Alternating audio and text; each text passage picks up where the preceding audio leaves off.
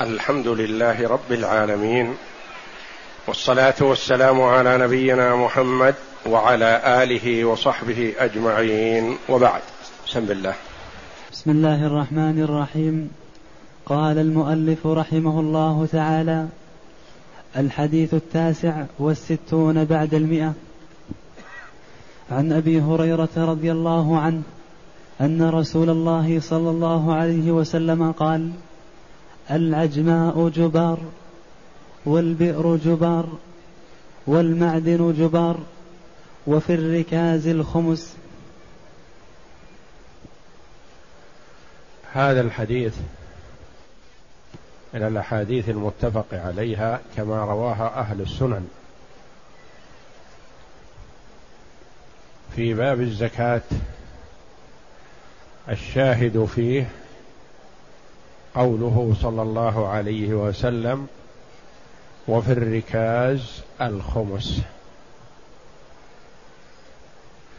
فقوله صلى الله عليه وسلم العجماء جبار.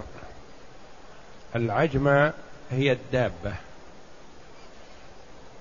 وسميت عجماء لأنها لا تتكلم. العجماء جبار. ومعنى جبار يعني هدر. أي لا قيمة لما أتلفته أو آذته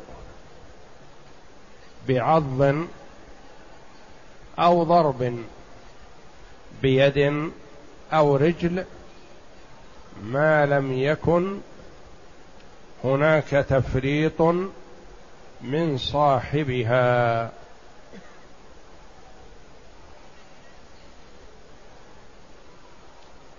فمثلا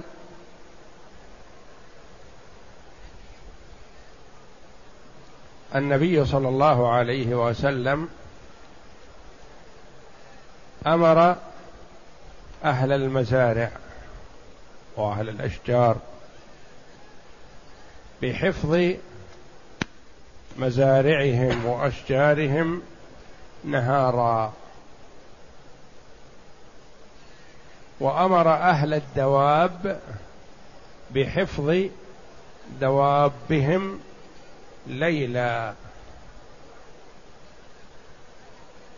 وهذا فيه حكمة. أن الدواب لا تحجر في الليل والنهار وإنما هي تطلق ترعى.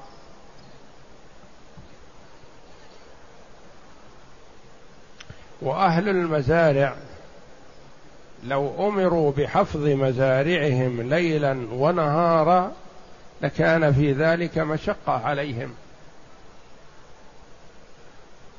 فقسم الرسول صلى الله عليه وسلم الوقت بينهما فعلى أهل المزارع حفظها نهارا لأنهم يعملون ويباشرونها ويتولونها والدواب في حاجة إلى الانطلاق نهارا. وأمر صلى الله عليه وسلم أهل الدواب بحفظها ليلا لأن الناس ينامون ويغفلون عن مزارعهم فإذا تسلطت عليها الدواب بالليل أتلفتها.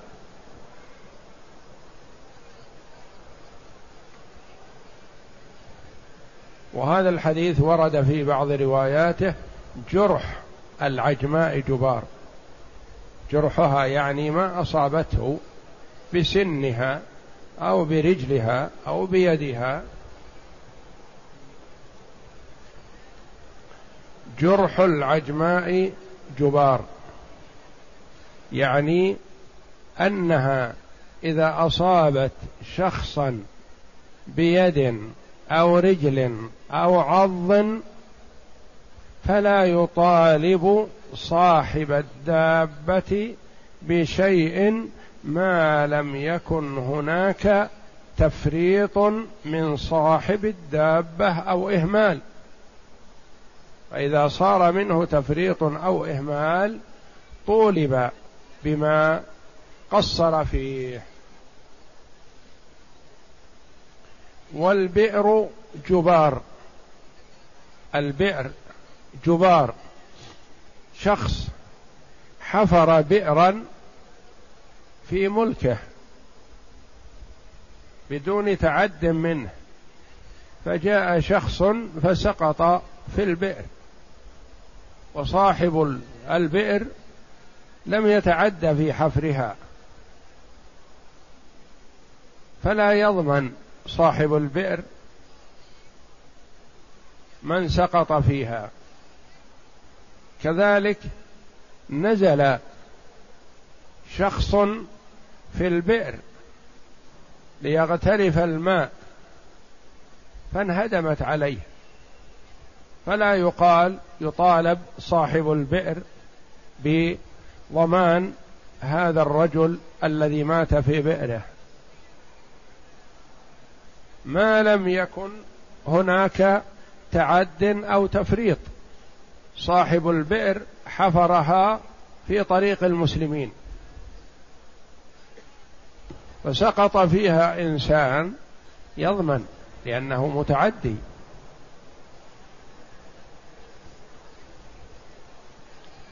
والمعدن جبار. المعدن هو ما يستنتج من داخل الأرض. سواء كان ذهب أو فضة أو حديد أو نحاس أو جص أو نوع أو أي نوع أو رخام أو أي نوع من الأنواع التي يستفاد منها. فمثلا صاحب المنجم هذا الذهب أو الفضة أو الحديد أو النحاس أو نحوه استأجر أجراء للعمل في هذا المكان. فانهدم عليهم. فمات بعضهم. فلا يضمن صاحب المحل. ما لم يكن هناك تعد أو تفريط أو تغرير. إلزام ألزم شخصا بأن يدخل في هذا المنجم ونحوه فمات ضمنه لأنه ألزمه. أو كان فيه خلل وأخفى هذا الخلل صاحبه. قال يمكن يسلم مثلا وما أخبره أنه محتملا يسقط أو أنه اساسه كذا ونحو ذلك فإذا كان هناك تعد أو تفريط أو إهمال أو تغرير من صاحب المحل فإنه يضمن. وفي الركاز الخمس. الركاز هو ما وجد من دفن الجاهلية على رأي الجمهور.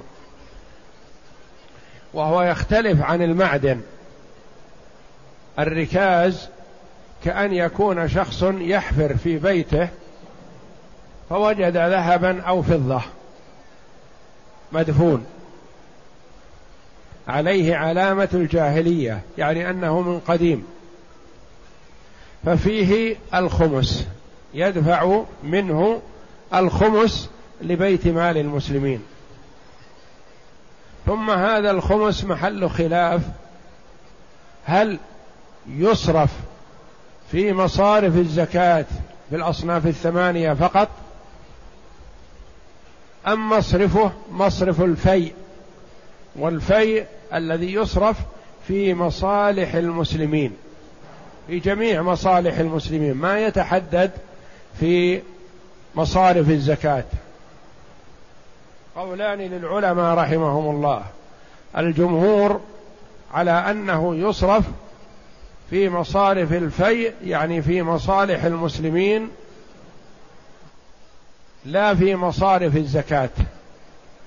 الإمام الشافعي رحمه الله يقول مصرفه مصرف الزكاة. ولهذا استنتج العلماء فروق بين هذا وهذا ومما يترتب على الخلاف بين الجمهور والشافعي رحمهم الله لو وجد ذمي ركازا ذمي آمن في بلادنا دخل البلاد بأمان فوجد ركاز في البلاد. فهل يؤخذ منه شيء أم لا؟ على رأي الجمهور يؤخذ منه الخمس. لأنه لأن مصارفه مصارف الفيء أي الأموال التي تعود لبيت مال المسلمين تصرف في المصالح. عند الشافعي رحمه الله الذي يقول الفيء مصرفه مصرف الزكاة. الذمي ليس من أهل الزكاة. فعند الشافعي لو وجد الذمي ركازا فلا يؤخذ منه شيء. لأنه ليس من أهل الزكاة ولم يكن عنده وليس عنده أنه فيء وإنما هو حكم حكم الزكاة يصرف في مصارف الزكاة على ممن تجب عليه الزكاة. أما الذمي فلا يؤخذ منه زكاة ماله.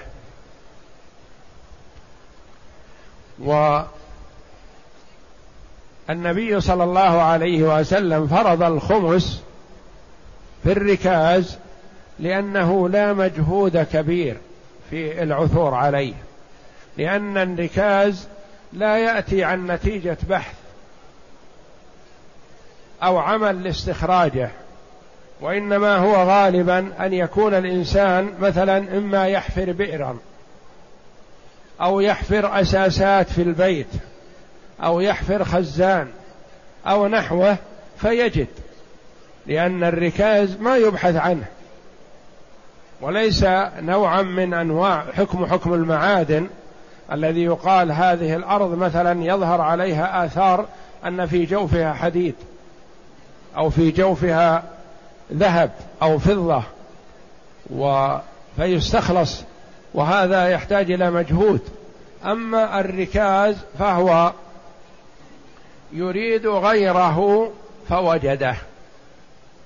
فلذا جعل النبي صلى الله عليه وسلم فيه الخمس وهو أكثر ما يؤخذ من الأموال لأنه أقل الأشياء مجهود وكلفة للحصول عليه لأنه يحصل بدون كلفة ولا مشقة.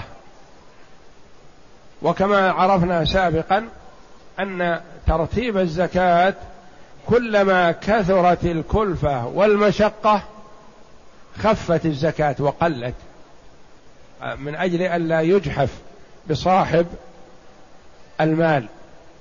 وكلما قلت الكلفة صارت الزكاة أكثر شكرا لله جل وعلا على تيسيره وتسهيله.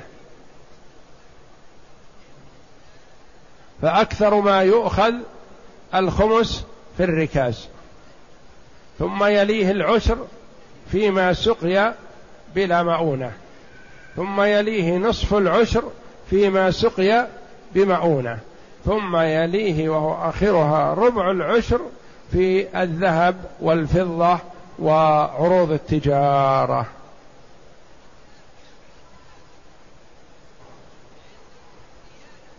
اقرأ. الغريب العجماء بفتح العين وإسكان الجيم ممدودة وهي البهيمة. سميت عجماء لأنها لا تتكلم. المعدن وهو المكان الذي تستخرج منه الجواهر وأمثالها. يعني سواء كانت جواهر ذهب أو فضة أو أشياء ثمينة كالرخام والجص والحديد وغير ذلك. نعم. جبار بضم الجيم يعني هدر لا ضمان فيه. الركاز بكسر الراء وتخفيف الكاف آخره زاي أي المذكورة؟ المركوز. أي المركوز؟ المغروز في الأرض. المغروز في الأرض وهو دفن الجاهلية. يعني مركوز يعني مدفون. ما هو نشأ من الأرض؟ صاحبه مثلا دفنه. يبي يحفظه فيه ومات وتركه ولا يعرف عنه ذووه شيء. فهذا الركاز والركاز المخصوص هو ما وجد من دفن الجاهلية. أما إذا عرف صاحبه فليس بركاز. المعنى الإجمالي يبين النبي صلى الله عليه وسلم الأشياء التي يحصل منها تلف خارج عن قدرة الإنسان وتسببه وإهماله وأنه ليس عليه من جراء إتلافها شيء. وذلك كالبهيمة التي لم يفرط في إرسالها ولم يكن متصرفا فيها فتتلف وتتلف فتتلف, فتتلف, فتتلف زروعا. أو تضر أحدا بعض أو ضرب بيدها أو رمح برجلها؟ يعني إذا كانت الدابة متصرف فيها صاحبها فهو يضمن. مثل السيارة مثلا التي يقودها صاحبها يضمن ما تلف ما تلف بسببها. نعم. وكذلك لو أمر إنسانا بدون إكراه له أو تغريره أو تغرير به بنزول بئر أو عمل فلا ضمان على الآمر لأنه لم يحصل منه تعد ولا تفريط. يعني لو قال له انزل في هذه البئر ليأخذ من ترابها أسفل مثلا ولم يلزمه ونزل فانهارت عليه البئر فلا يضمن صاحبها. لكن لو عرف أن مثل هذه البئر مثلا تنهار لأنها غير محكمة فإنه في هذه الحال يكون قد غرر بالعامل فيضمن. فبحسب الحال إن لم يكن هناك تفريط ولا تغرير ولا إلزام فلا ضمان. وإن كان هناك تفريط أو تغرير أو إلزام ضمن. نعم. أما لو أما لو أكرهه على ذلك أو كان يعلم أن في هذه الأشياء ونحوها خطرا فغره ولم يعلم بذلك فإن عليه الضمان. ثم ذكر أن من وجد كنزا قليلا أو كثيرا فعليه إخراج خمسه لأنه حصله بلا كلفة ولا تعب. الركاز يختلف عن الزكاة بأنه لا قدر محدد بحيث يكون له نصاب لو وجد قليلا أو كثيرا. والركاز ليس له حول حوله حال وجوده إذا وجده دفع منه. نعم. فشكرا لله تعالى ومواساة لإخوانه المسلمين. يجب عليه أن يخرج منه الخمس لأنه كالفي قوله لإخوانه المسلمين يعني هذا جعله لم يجعله للفقراء لأن الخلاف هل يكون للفقراء أو يكون في مصالح المسلمين؟ نعم. كالفيء الذي يحصل من مال الكفار بلا كلفة. وهكذا تلاح وهكذا تلاحظ الشريعة العدل والإنصاف في أحكامها. فتقدم قدر الزكاة فيما تحصيل. لعلها فتقدر قدر الزكاة فيما تقدر. نعم. فتقدر قيمة الزكاة. قدر. قدر الزكاة. فيما يحتاج إلى كلفة ومشقة ومؤونة واختلافه حسب ذلك. يعني كل ما كان أكثر كلفة ومشقة فالزكاة فيه أقل. وكل ما كان أقل كلفة ومشقة فالزكاة فيه أكثر مواساة للمسلمين. نعم. ما يؤخذ من الحديث أولا أنه لا ضمان في البهيمة إذا لم يكن صاحبها متصرفا فيها أو لم يرسل لها ليلا. فإن أرسلها ليلا ضمن. لو أن دابة مثلا فتكت بزرع أناس في وقت الليل فعلى صاحب الدابة الضمان لأن الواجب عليه أن يحفظها لأن الناس تعودوا أن لا يحفظوا زروعهم بالليل. نعم. فإن تسبب صاحبها بما أتلفت أو أرسلها ليلا فأفسدت على الناس زروعهم فعليه الضمان.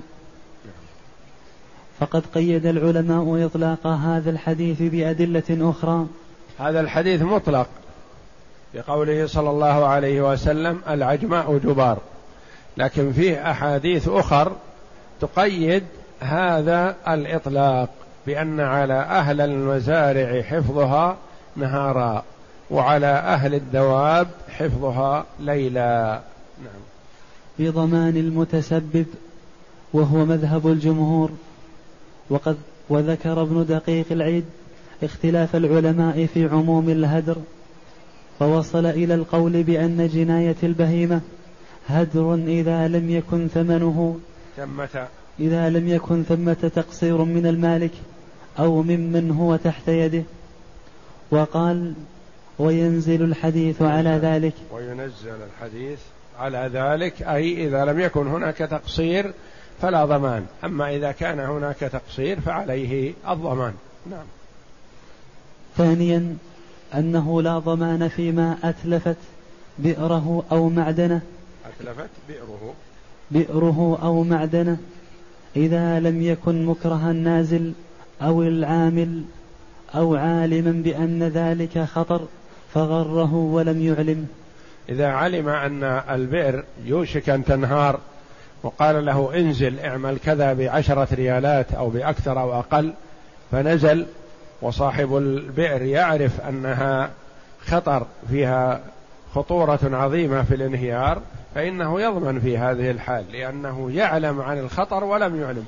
لو قال له مثلا هذه البئر أريد أن تنزل فيها والأجرة لمثل هذا مثلا بعشرة ريال فقال له أعطيك لنزولك مئة لكن اعلم أن فيها خطر. العامل نزل من أجل المئة مثلا وخاطر بنفسه. يكون ما غرر به المالك. يكون أو وضح له وبين له. وضاعف الأجرة من أجل هذا الخطر وإنما ذاك هو الذي خاطر بنفسه. نعم. فإن أكره أحدا على النزول في بئر أو الصعود لشجرة أو نحو ذلك أو لم يكره ولكن فيه خطر ولم يعلم فعليه الضمان لأن التلف حصل بسبب إكراهه أو من تغريره. نعم هذا في مثلا البئر والشجرة والمعدن ونحو ذلك من الأشياء التي فيها خطر. إذا كان فيها خطورة ولم يعلم المالك العامل الذي ينزل أو يصعد بهذا الخطر فإنه يضمن. أما إذا لم يكن فيها خطورة وإنما فيها كلفة أو مشقة ونحو ذلك والخطورة نادرة فيها كما هي في غيرها مثلا فلا ضمان عليه حينئذ.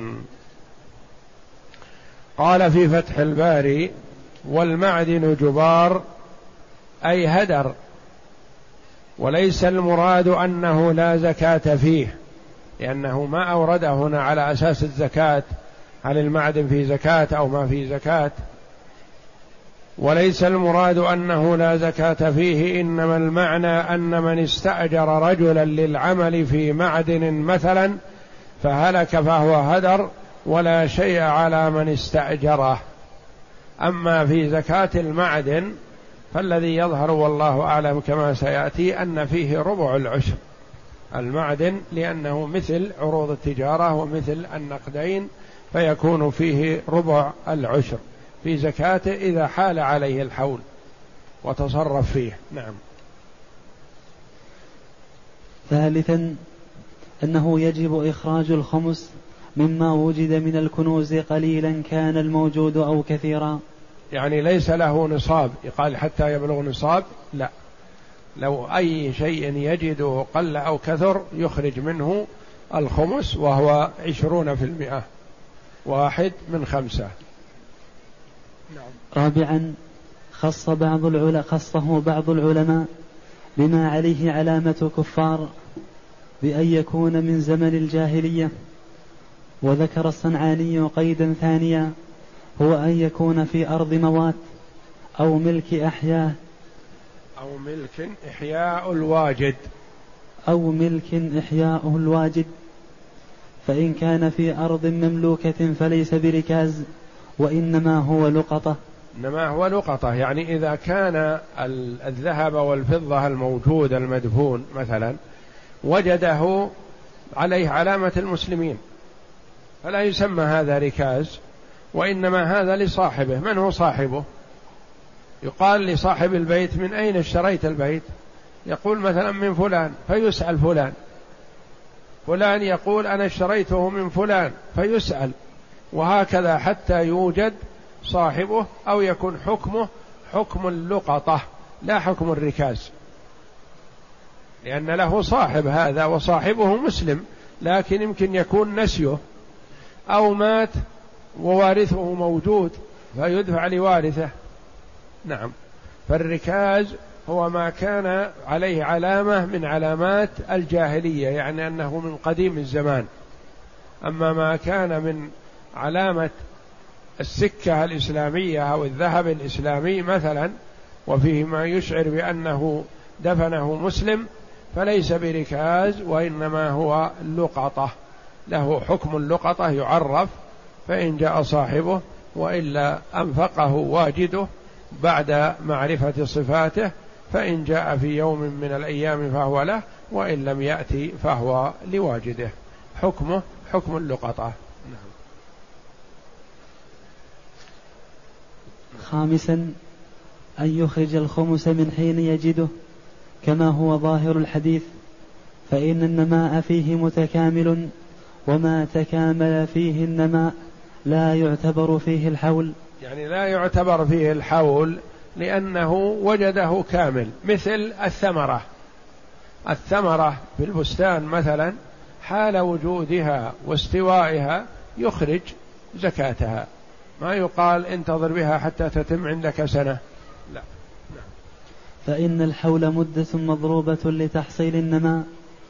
قال النووي وعدم اشتراط الحول بالركاز إجماع.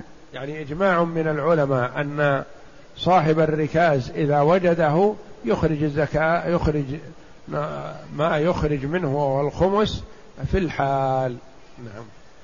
سادسا الظاهر من الحديث أنه يخرج منه من يخرج منه لا من قيمته سواء كان من ذهب أو فضة أو نحاس أو حديد أو غير ذلك. يعني المخرج من الركاز من عينه.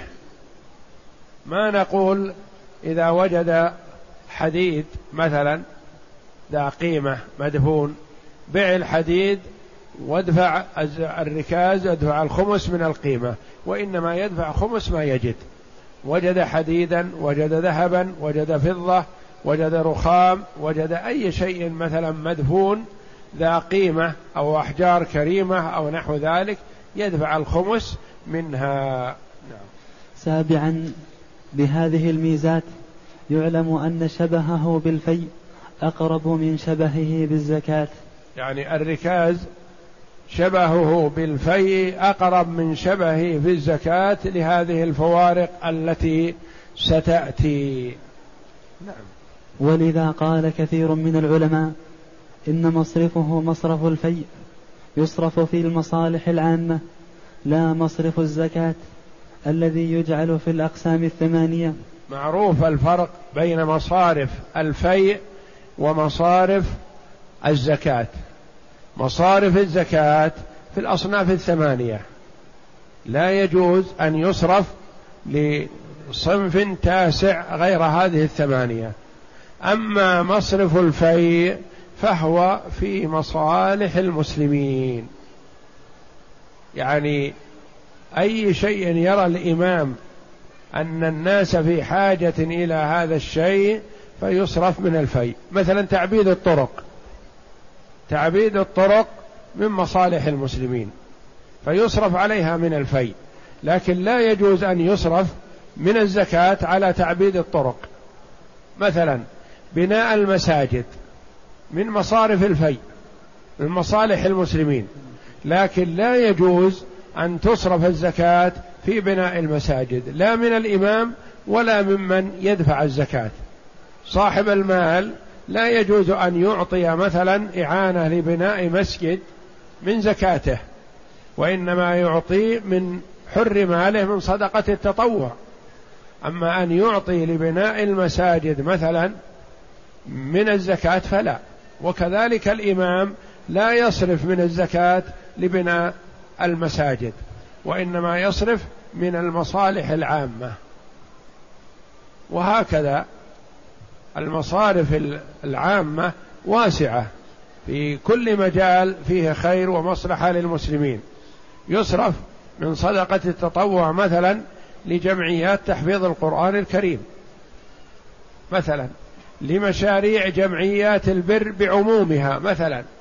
لكن الزكاة لا لا تصرف إلا للفقراء في جمعية تحفيظ القرآن. لا تصرف إلا لل للفقراء والمساكين في جمعيات البر. لكن إنما يصرف لجمعيات البر في المصالح العامة هذه والمشاريع من صدقة التطوع لا من زكاة المال. ولهذا جمعيات البر تسأل المتبرع هل هذا المتبرع به زكاة أم صدقة تطوع؟ زكاة يجب أن يصرفوه في أصناف الزكاة للفقراء والمساكين مثلا. صدقة تطوع عندهم مشروع بناء تجاري استغلالي مثلا سكن للجمعية ونحو ذلك يصرفون هذا المال فيه لكن لا يصرفون الزكاة في مشروع البناء. لأن الركاز قد فارق الزكاة بالأمور التالية. فمصارف الفي أوسع بكثير من مصارف الزكاة. أولا الزكاة لا تخرج إلا من نصاب محدود فما فوقه؟ أما الركاز فيخرج الخمس من قليله أو كثيره. الركاز يصرف من القليل الخمس والكثير. وجد مليون يصرف منها الخمس. وجد مثلا قطعة ذهب تعادل مثلا خمسين ريال. قيمتها خمسين ريال مثلا يصرف الخمس الذي هو عشرة. قل أو كثر ولو كان القيمة قليلة وهكذا. الثاني الركاز يخرج من عينه أما العروض فتخرج زكاتها نقودا. واحد يشتغل بالتجارة بالأقمشة والأواني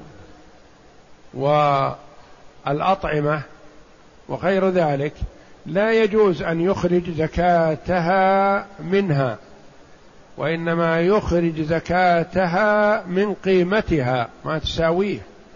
فمثلا قماش ما يخرج زكاته قماش وإنما يخرجها دراهم.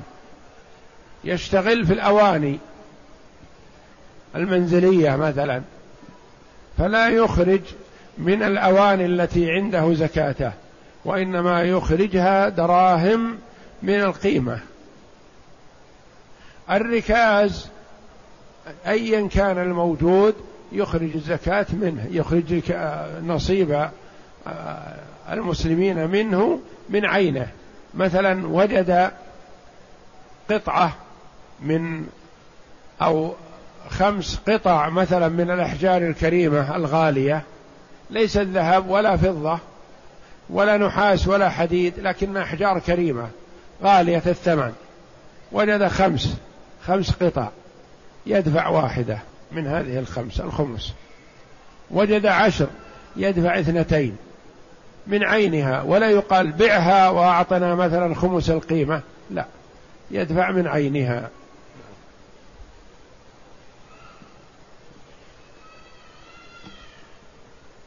ثالثا الركاز حوله وجوده. أما الزك حوله حوله وجوده. مبتدأ وخبر حوله وجوده. يعني حال وجه حال وجوده يقال تم حوله. ما ينتظر فيه حتى يتم حول من وجوده. لا نعم.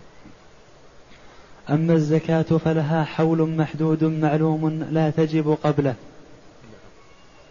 رابعا مصرف الزكاة مصرف الفي في المصالح العامة. مصرف الركاز على رأي الجمهور في مصارف الفي يعني في مصالح المسلمين العامة. يعني شخص وجد ركاز وجاء لبيت المسلمين مثلا بالخمس وقدره مثلا مليون هذا الخمس مثلا.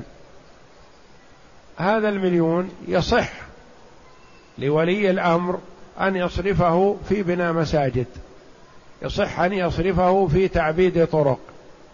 يصح أن يصرفه في شراء أشياء يحتاج إليها المسلمون سواء كانت من مصارف الزكاة أو لم تكن من مصارف الزكاة. هذا رأي الجمهور. أما الإمام الشافعي رحمه الله فيرى أن المصرف هو مصرف الزكاة. نعم. والزكاة تصرف في الأوجه الثمانية المعروفة. وعرفنا ماذا يترتب على رأي الجمهور عن رأي الشافعي رحمهم الله فيما لو وجد الركاز ذمي.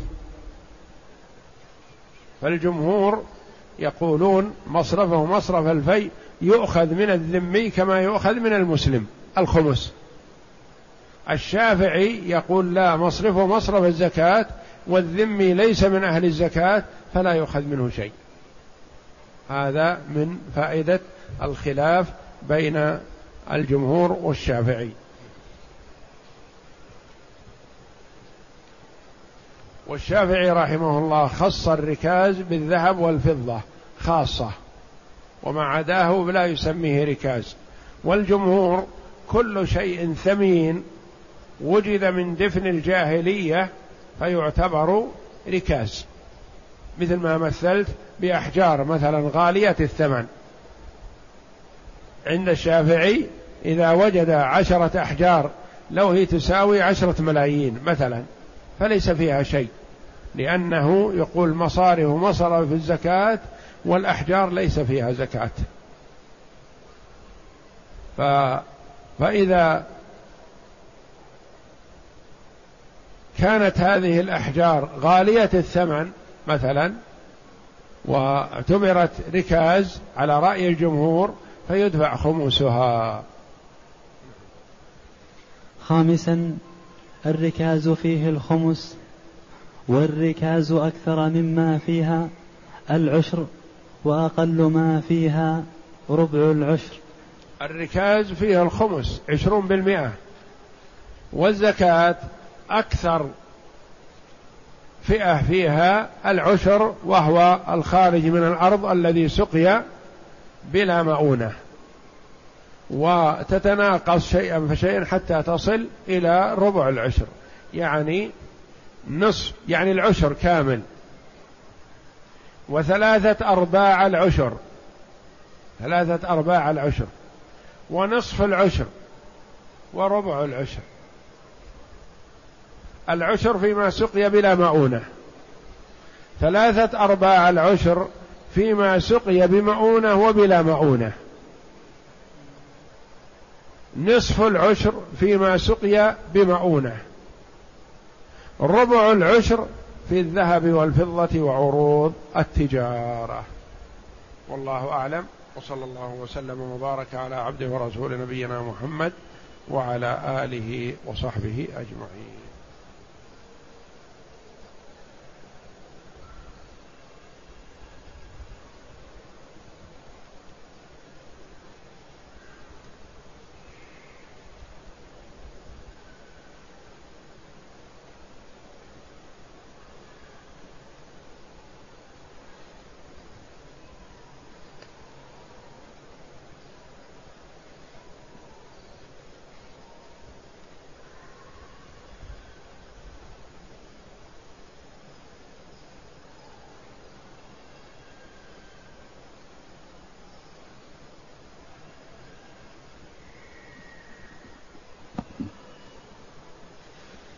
تقول السائلة أرى كثير من النساء يصلين بالنقاب فهل هل فهل هذا الفعل جائز؟ الجواب نعم يجوز المرأة المحرمة هي التي تنهى عن لبس اللقاء النقاب وإنما تغطي وجهها عن الرجال الأجانب بأي نوع من أنواع الثياب تسدل على وجهها وأما في غير حالة الإحرام فالمرأة تلبس النقاب وتلبس غيره وتغطي وجهها عن الرجال الأجانب. وعلى المسلمة أن تهتم بالنقاب الشرعي وهو الذي يخرج شيئا من العين لأجل أن ترى الطريق. وليس المراد النقاب الذي يجمل المرأة زيادة أو ربما يسر القبيح ويظهر الجميل فيكون فيه فتنة أكثر.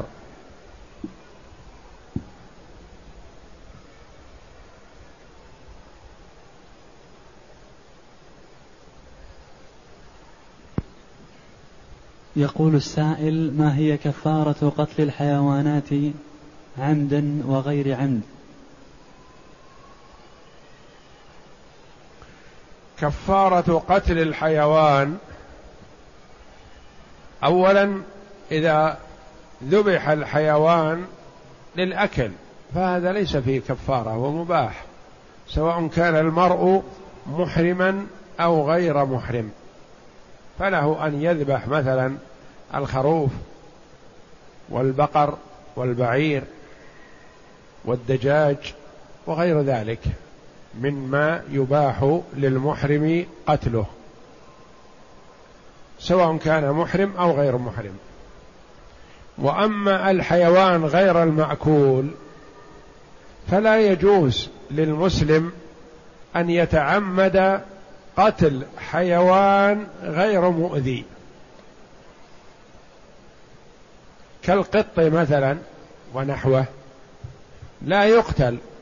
لكن لو قتله ما في كفارة ما يطالب بالكفارة وإنما عليه التوبة والاستغفار. لأنه لا يجوز للإنسان أن يتعمد قتل حيوان مسالم.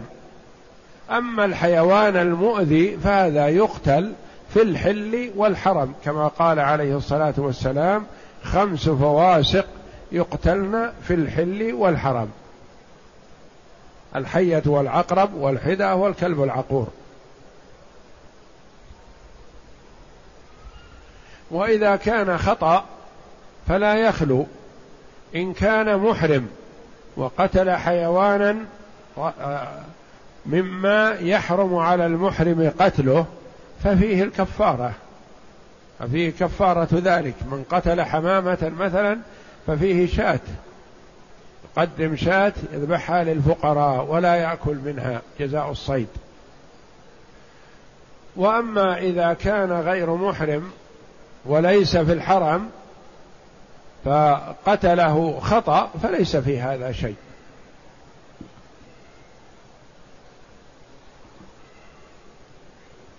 يقول السائل ما حكم الاحتكار في الشرع؟ الاحتكار محرم والاحتكار أن يشتري المرء ما الناس في حاجة ماسة إليه فيخفيه حتى إذا غلى السعر أخرجه. هذا لا يجوز. بخلاف من يشتري السلعة عند توفرها ويحفظها لديه حتى تقل في الأسواق ثم يخرجها. فهذا فيه مصلحة له وفيه مصلحة للمسلمين. فمثلا التمور تتوفر في وقت من الأوقات وتكثر فيشتري تمور ويحفظها. الفواكه بعضها تتوفر في وقت من الأوقات أو الخضار ويستطيع أن يشتري كمية ويحفظها فإذا قلت في الأسواق أخرجها وربح فيها لا حرج عليه في هذا لأن هذا فيه مصلحة بخلاف من الناس في حاجة ماسة إليه ثم يشتريه ويخفيه فهذا يعتبر احتكار لا يجوز. أما يشتري من مكان ويبيع في مكان آخر فلا حرج. هذا يطلب الرزق. لكن إذا اشترى والناس في حاجة ويريدون منه أن يبيع فما يبيع يدخرها. حتى تنعدم في الأسواق ثم يبيع بأغلى ما يكون هذا لا يجوز.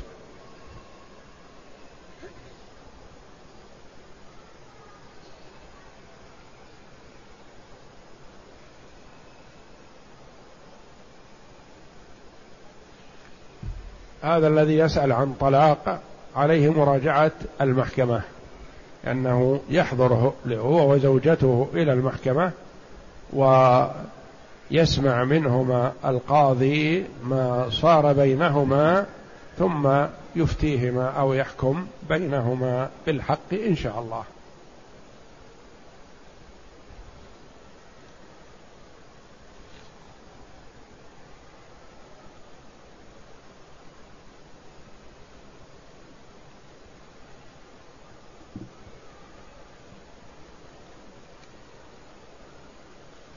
يقول السائل شخص صلى صلاة الشروق مع بداية الشروق وبعد الانتهاء من الصلاة قلت له مرة انتظر حتى ترتفع الشمس قدر رمح فقال هل أعيد الصلاة؟ فقلت لا فهل أنا آثم؟ أولا نعرف أن وقت النهي بعد صلاة الفجر وقتان. من صلاة الفجر أو من طلوع الفجر فلا يصلى إلا تحية المسجد أو سنة الفجر إلى طلوع الشمس. ومن طلوع الشمس إلى ارتفاعها قدر رمح يعني ما تباح الصلاة عند طلوع الشمس؟ لا. ينتظر الوقت لا يزال وقت نهي حتى ترتفع الشمس قدر رمح. قدر هذا بعض العلماء بحدود ربع ساعة أو أقل بقليل. من طلوع الشمس عندنا في التقويم مثلا يقول الشروق كذا. لا تباح الصلاة حال الشروق وإنما ننتظر بعد هذا لمدة ربع ساعة أو اثنى عشر دقيقة ونحو ذلك. حتى ترتفع قدر رمح. فلا يصلى بعد شروق الشمس مباشرة لأن الوقت لا يزال وقت نهي. إلا ذوات الأسباب فذوات الأسباب تصلى في هذا الوقت وفي غيره. كان يكون المرء مثلا دخل المسجد فيصلي تحية المسجد. انتهى من طوافه ويحب أن يصلي سنة الطواف يصليها متى ما انتهى من طوافه لا حرج.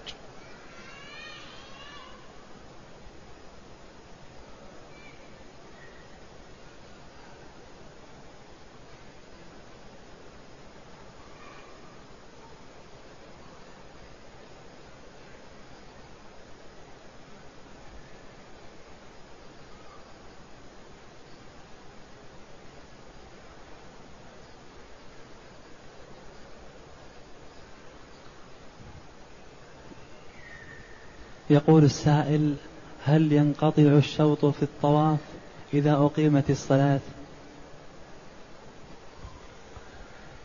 إذا كان قرب انتهاء الشوط فلعل الأولى له أن ينهيه إلى الحجر الأسود ثم يدخل مع الإمام في الصلاة. وأما إذا كان في أوله فلا بأس أن يقطعه ويدخل مع الإمام ثم يكمل إن أحب إذا كان تطوع فيستحب إكماله ولا يلزم. وإن كان واجبا وجب إتمامه.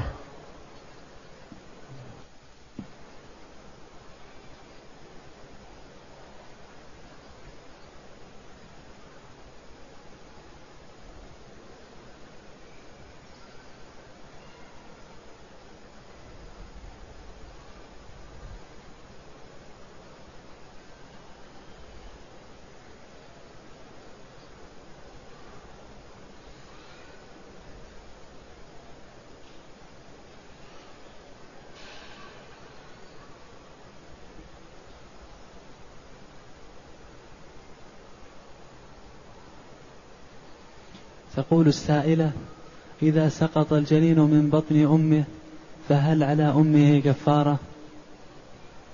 لا ليس عليها كفارة لكن إذا كانت مسببة فلا يجوز لها ذلك بل عليها التوبة والندم على ما فرط منها والعزم على ألا تعود.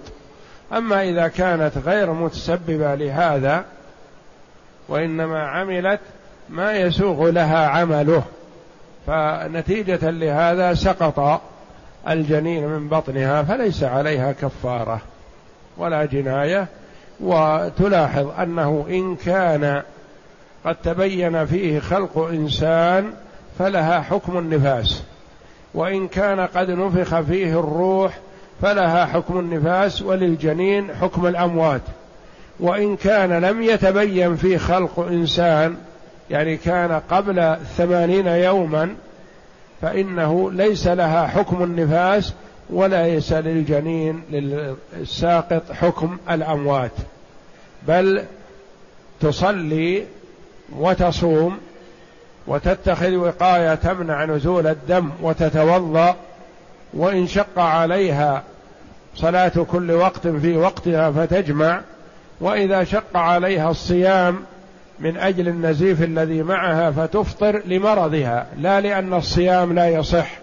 الصيام صحيح منها لكنها لها أن تفطر من أجل النزيف الذي معها إذا شق عليها الصيام لكونها في حاجة إلى الطعام أو الشراب من أجل ما يخرج منها فتفطر لمرضها.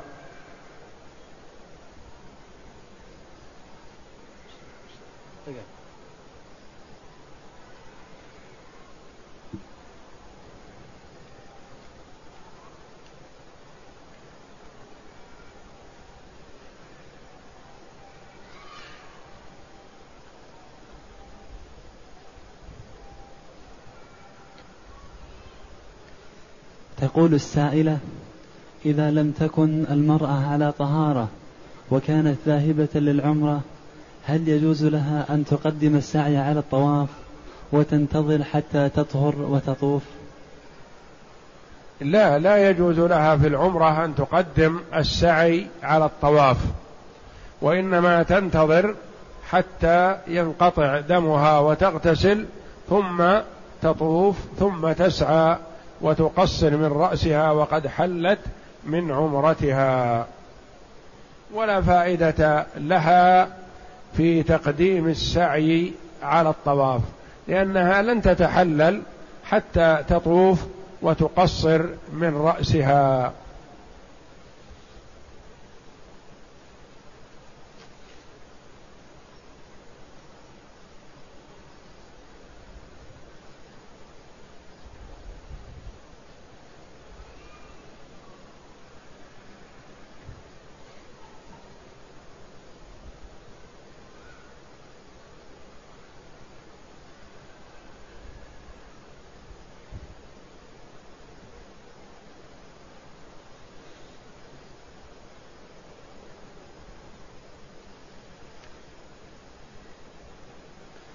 يقول السائل أحرمت أنا وأبنائي من الميقات لأداء العمرة وبعدما تجاوزت الميقات بمسافة قصيرة اشترطت حيث قلت إذا حبسني حابس فمحلي حيث حبستني.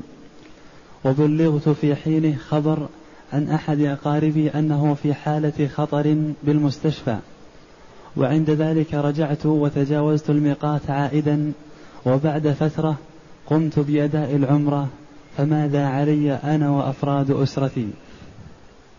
أولا الاشتراط يلزم أن يكون عند عقد النية عند الإحرام.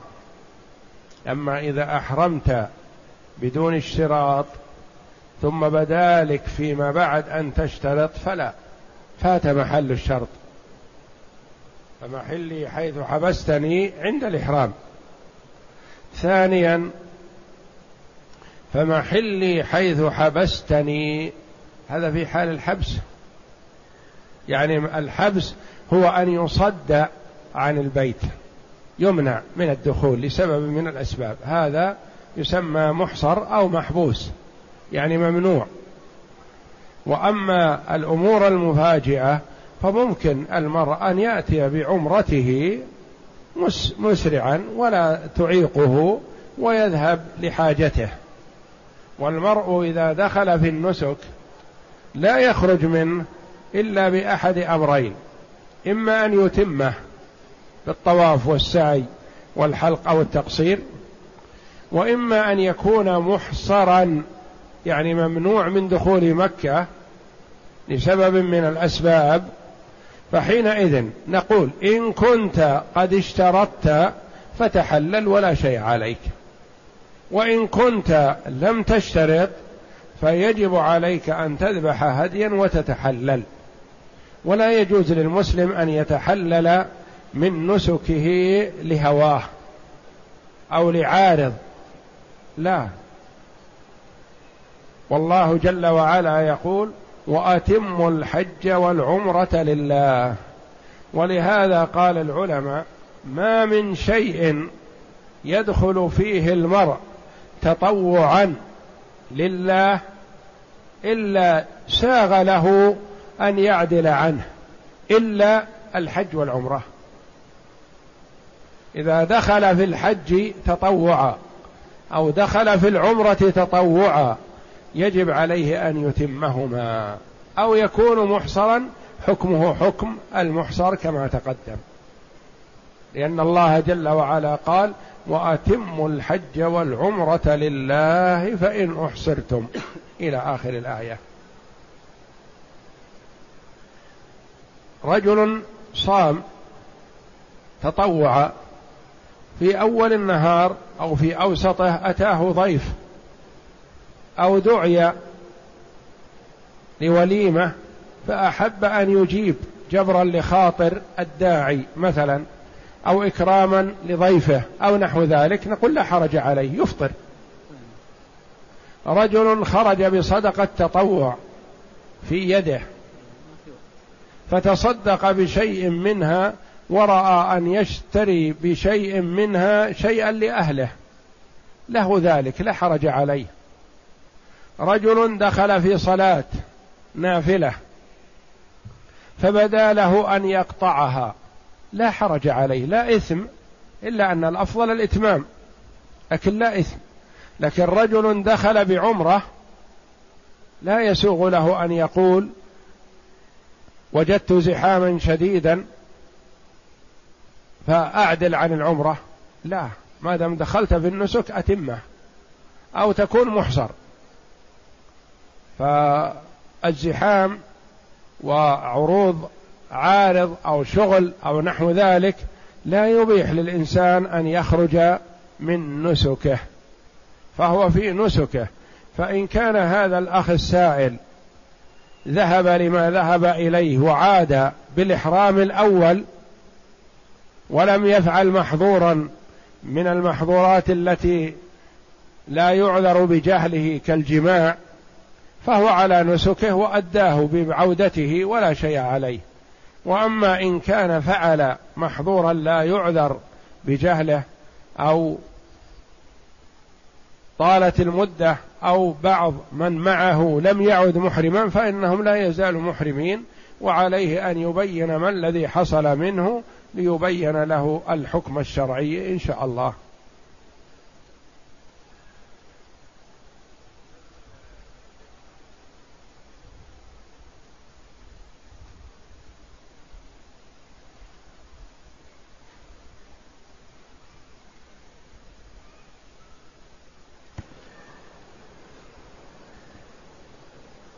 تقول السائلة أنها أن بوجهي أثر كلف وذكر لي طبيب يقوم بعملية التقشير. هل يجوز تقشير الجلد لإزالة البقع؟